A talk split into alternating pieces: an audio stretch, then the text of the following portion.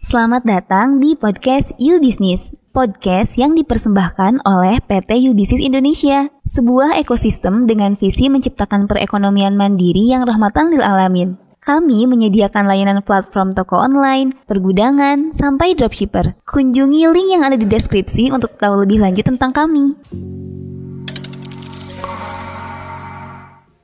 Halo semuanya, Assalamualaikum warahmatullahi wabarakatuh. Balik lagi di segmen Baca Bareng Yubi di mana setiap anak Yubi akan menceritakan atau mereview buku yang mereka baca dalam satu bulan terakhir. Nah, di episode kali ini kita uh, bersama dengan Mbak Gustia Ayu Andina Atau biasa kita panggilnya Mbak Andin. Halo Mbak Andin.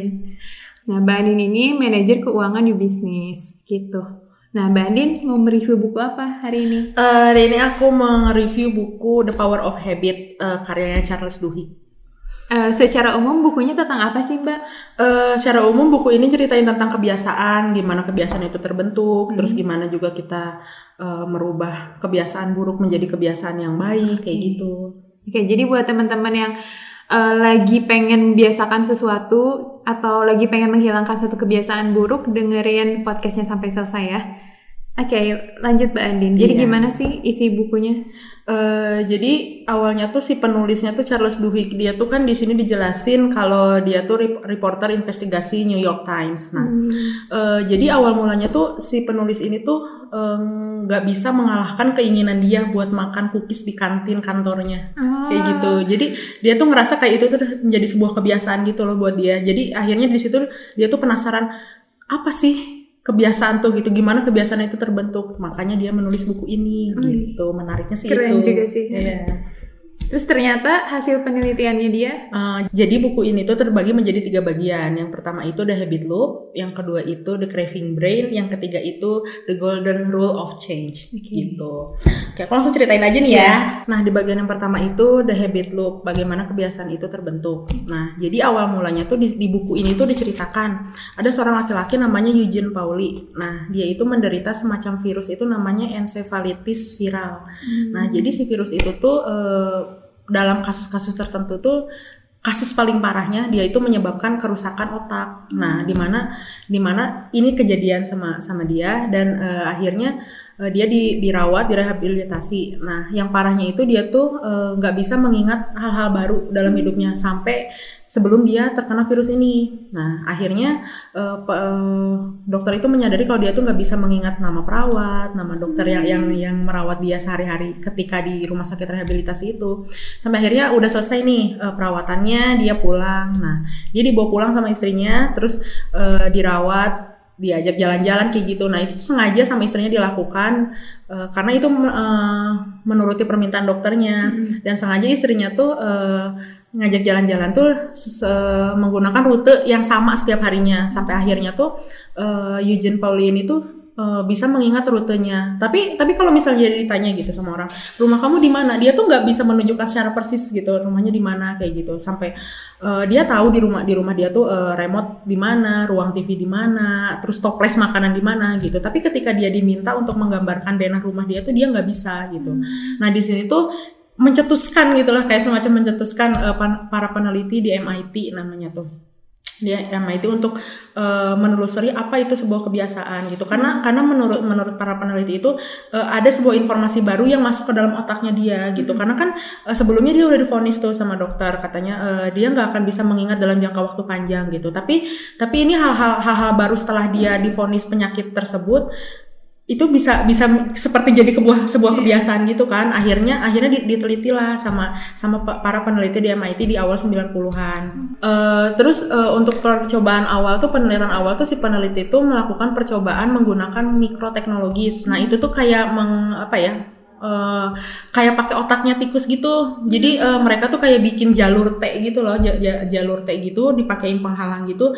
Uh, disimpan coklat di ujung di ujung lorong di sebelah kiri. Nah, di situ tuh uh, begitu begitu si penghalang tuh terbuka, itu kan hmm. bunyi klik gitu. Si tikus si tikus yang dipakai buat percobaan ini tuh kayak jalan gitu. Dia dia tuh dia tuh jalan mengikuti lorong karena dia berjalan karena dia mencium bau coklat. Nah, coklat. Nah, dia jalan dia kebingungan terus uh, dia belok kanan di si bau coklat yang dia cium itu tuh nggak ada. Terus akhirnya beberapa kali dia belok kanan nggak ada, akhirnya dia putar balik ke kiri. Nah, si percobaan itu tuh sama sama sama peneliti itu diulang beberapa kali sampai akhirnya tuh si tikusnya tuh kayak yang sadar begitu bunyi klik tuh dia tuh langsung jalan dan dia langsung belok ke kiri. Nah, setelah beberapa kali percobaan percobaan tersebut, eh, hal tersebut tuh jadi rutinitas baru untuk si tikus. Jadi di awal-awal penelitian itu si peneliti itu memperhatikan arus eh, gelombang otaknya si tikus itu. Awal-awal tuh kayak eh, peneliti tuh melihat si tikus tuh ber- si otak tikus tuh berusaha keras gitu untuk menemukan coklat gitu. Tapi akhirnya lama kelamaan setelah setelah percobaan itu berulang, berulang, berulang dan itu menjadi sebuah ru- rutinitas baru untuk si tikus. Jadi akhirnya dia tuh melakukan hal tersebut begitu si penghalang terbuka dan dia menemukan coklat itu eh, si eh, arus gelombang otaknya tuh cenderung relatif rendah gitu. Jadi kayak yang eh, si otaknya tuh nggak perlu berpikir keras untuk menemukan si coklat tersebut gitu. Nah, jadi itulah yang disebut kebiasaan atau habit. Jadi di proses ini tuh otak kita merubah sebuah kebiasaan menjadi kegiatan rutin otomatis. Nah, itulah akar akar dari sebuah kebiasaan. Gitu.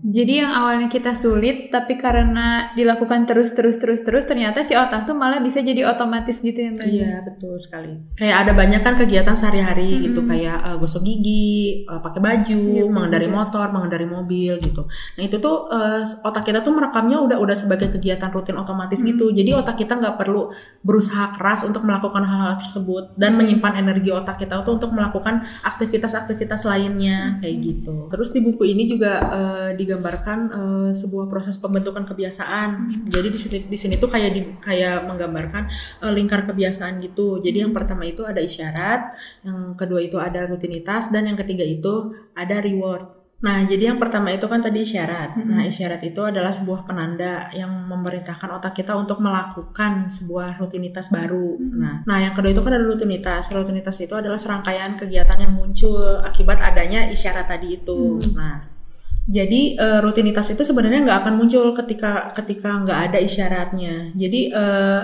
ini se- sebenarnya cukup unik sih ya, di mana kadang kan banyak dari kita tuh yang ingin merubah kebiasaan gitu. Sebenarnya itu tuh eh, sebuah pemikiran yang salah sih, karena eh, otak kita itu akan merespon sebagian besar ketika kita memiliki isyarat dan reward. Sebenarnya mungkin bisa sih, cuman eh, kebiasaan yang tadinya ingin kita rubah itu tuh nggak akan bertahan lama karena karena nggak dipicu dengan adanya adanya isyarat ataupun reward yang tadi udah aku bilang itu.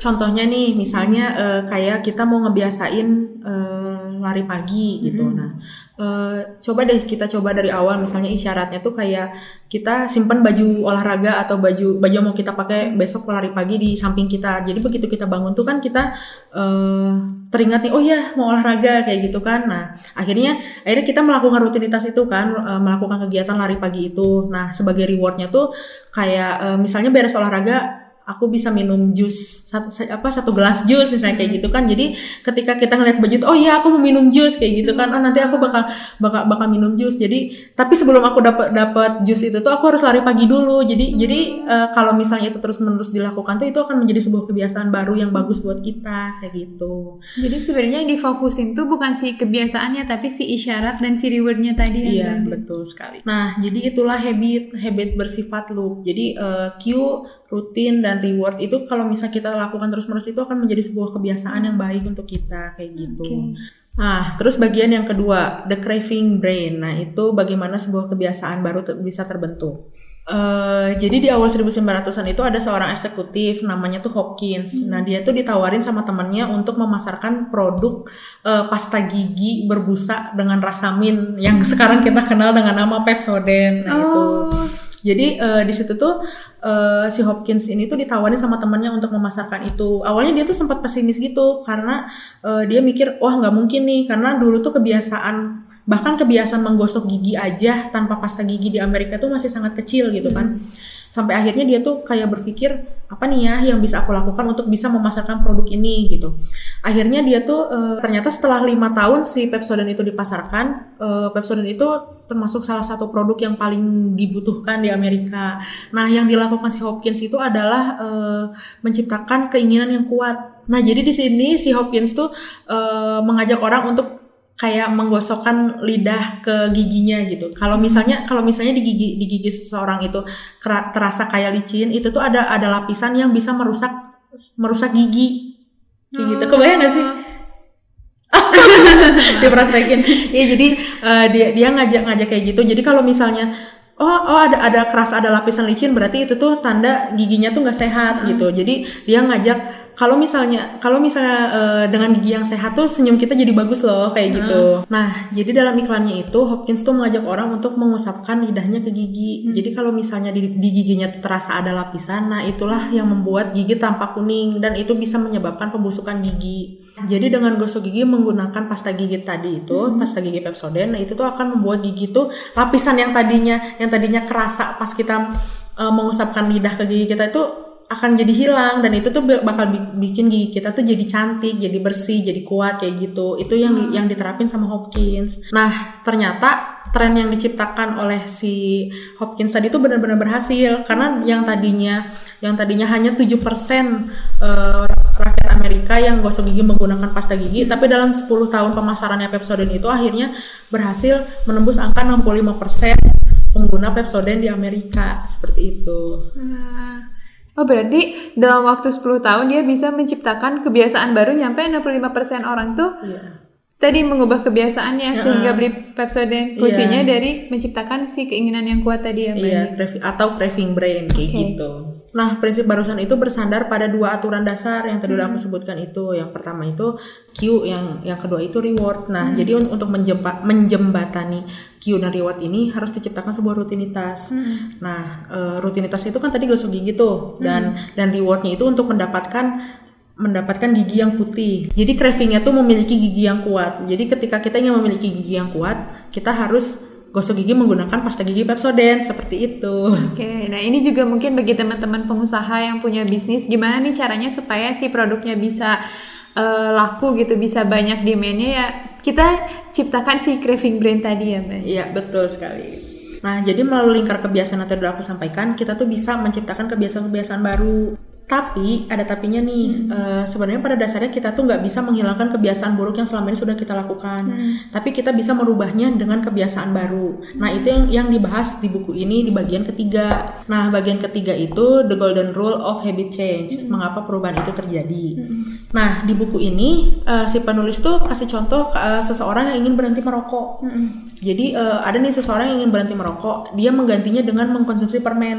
Jadi ketika dia ingin merokok, dia makan permen. Dia eh, ingin ngerokok lagi, makan permen lagi. Nah, sebenarnya tapi sebenarnya itu tidak menghasilkan efek yang baik untuk badannya. Jadi kayak eh, justru dengan makan permen itu itu membuat badan dia menjadi gemuk. Nah, setelah dia setelah dia bertambah berat badan, dia menjadi stres dan kebiasaan dia merokok itu kembali lagi seperti itu. Nah, jadi perlu dipastikan ketika kita merubah sebuah kebiasaan itu, kebiasaan itu memiliki efek yang baik juga untuk ke depannya. Untuk mengubah kebiasaan baru itu tuh kita harus tetap mempertahankan cue dan rewardnya, tapi kita bisa merubah kebiasaan baru yang tentunya lebih baik dan lebih positif ke depannya. Jadi ketika kita ingin melakukan sebuah perubahan, jangan terfokus mengubah rutinitasnya. Nah, jadi dengan memahami habit loop tadi, kita akan bisa menciptakan kebiasaan yang baik dalam hidup kita. Asalkan kita bisa menciptakan cue sederhana dan reward yang jelas. Seperti itu, Liana. Oke, siap. Cue sederhana dan reward yang jelas itu bisa memunculkan craving atau keinginan di otak kita untuk melakukan kebiasaan baru. Dan untuk mengubah sebuah kebiasaan yang buruk itu kita bisa melakukan rutinitas baru dengan tetap mempertahankan cue dan reward yang tadi. Seperti itu. Nah, tapi kita juga harus terfokus pada kebiasaan kunci karena sebenarnya kebiasaan kunci yang baik itu akan memberikan efek domino yang baik juga dalam hidup kita. Contoh kayak tadi kan aku ngasih contohnya olahraga pagi, olah apa me- eh, melakukan rutinitas olahraga. Nah, itu tuh akan memberi efek yang baik kayak kalau misalnya kita udah rajin olahraga jadi kita tuh pengen eh, berpola hidup sehat, jadi ma- pengen makan makanan sehat. Terus juga itu juga akan mempengaruhi ke produktivitas kerja kita seperti itu Liana. Iya benar. Nah ngomongin si tadi apa isyarat terus reward, aku juga jadi keingetan salah satu materi review buku yang sebelum-sebelumnya kan kita sempat bahas juga tuh sama Mas Salman eh, judul bukunya Atomic Habits. Nah kalau di Atomic Habits itu dia cerita cara membentuk kebiasaan baik itu yang pertama adalah membuatnya mudah. Jadi bener sih aku juga selama ini tuh kan kalau kayak aku pengen punya kebiasaan baca buku, tapi Hmm. kalau fokusnya ke baca bukunya kayak sulit banget gitu. Iya. Tapi ketika kita fokus kayak tadi mungkin cara membuatnya mudah tuh bisa kita samakan dengan isyarat tadi kali Hmm. ya. Jadi kita fokusnya ke kemudahannya atau ke isyaratnya. Hmm. Jadi oh ya udah eh, jangan fokus ke baca bukunya tapi dengan nyimpen bukunya di dekat kita misalnya. Dan mungkin kalau tambahan dari buku ini juga reward yang kita dapat setelah kita Iya, baca buku. Iya, baca buku itu. Bener sih, bagus. Terima kasih Mbak Andin Iya, reviewnya. sama-sama. Oke, nah aku eh Iya. sekarang mau nanya terus kalau implementasi dari buku tersebut atau setelah baca buku ini, Hmm. Mbak Andin gimana tuh sehari-harinya penerapannya? Jadi setelah baca buku ini tuh aku kayak kepikiran aja sih untuk membiasakan melakukan hal-hal yang baik dan sekecil apa pun itu tuh bisa berdampak positif. Bahkan seperti menentukan pilihan kecil atau bahkan pengambilan keputusan yang besar itu tuh nantinya akan menjadi kebiasaan untuk kita. Sebagian besar pilihan yang kita buat setiap hari itu mungkin terasanya sebagai hasil pertimbangan yang cukup panjang. Eh, jadi setelah membaca buku ini tuh aku jadi kayak kepikiran aja sih eh, sebagian besar pilihan yang kita buat setiap harinya itu tuh nantinya akan terlihat sebagai eh, hasil dari pembuatan keputusan dengan pertimbangan yang baik. Padahal itu tuh bukan pilihan-pilihan tersebut itu udah menjadi eh, seperti sebuah kebiasaan buat kita. Dan itu tuh nantinya akan berdampak baik buat hidup kita. Itu akan mem- mempengaruhi cara kita mengorganisir pikiran berutinitas kerja kita dan berdampak besar juga terhadap kesehatan produktivitas keamanan finansial dan kebahagiaan kita sendiri. Seperti itu Liana. Oke, terima kasih banyak Mbak Andin Iya, review bukunya sama-sama. hari ini. Nah, jadi buat teman-teman yang pengen lagi pengen ngebiasain sesuatu, coba ditulis kebiasaan apa. Dan jangan lupa isyarat dan rewardnya tadi Iya. supaya kita bisa lebih fokus ke sana eh, dan lebih mudah untuk membentuk kebiasaan barunya ataupun mengganti kebiasaan buruk ya Iya, Mbak betul. karena kan sebenarnya kebiasaan buruk tuh nggak bisa dihilangkan tapi diganti dengan kebiasaan lain yang lebih baik ya betul gitu. Oke deh, eh, sekian review buku kita hari ini. Terima kasih semuanya. Ditunggu episode selanjutnya ya. Kalau ada yang mau ditanyain, tulis aja di kolom komentar. Assalamualaikum warahmatullahi wabarakatuh. Terima kasih sudah mendengarkan. Jangan lupa klik like dan bagikan jika kamu mendapat manfaat dari podcast kami. Nantikan podcast You Business episode berikutnya.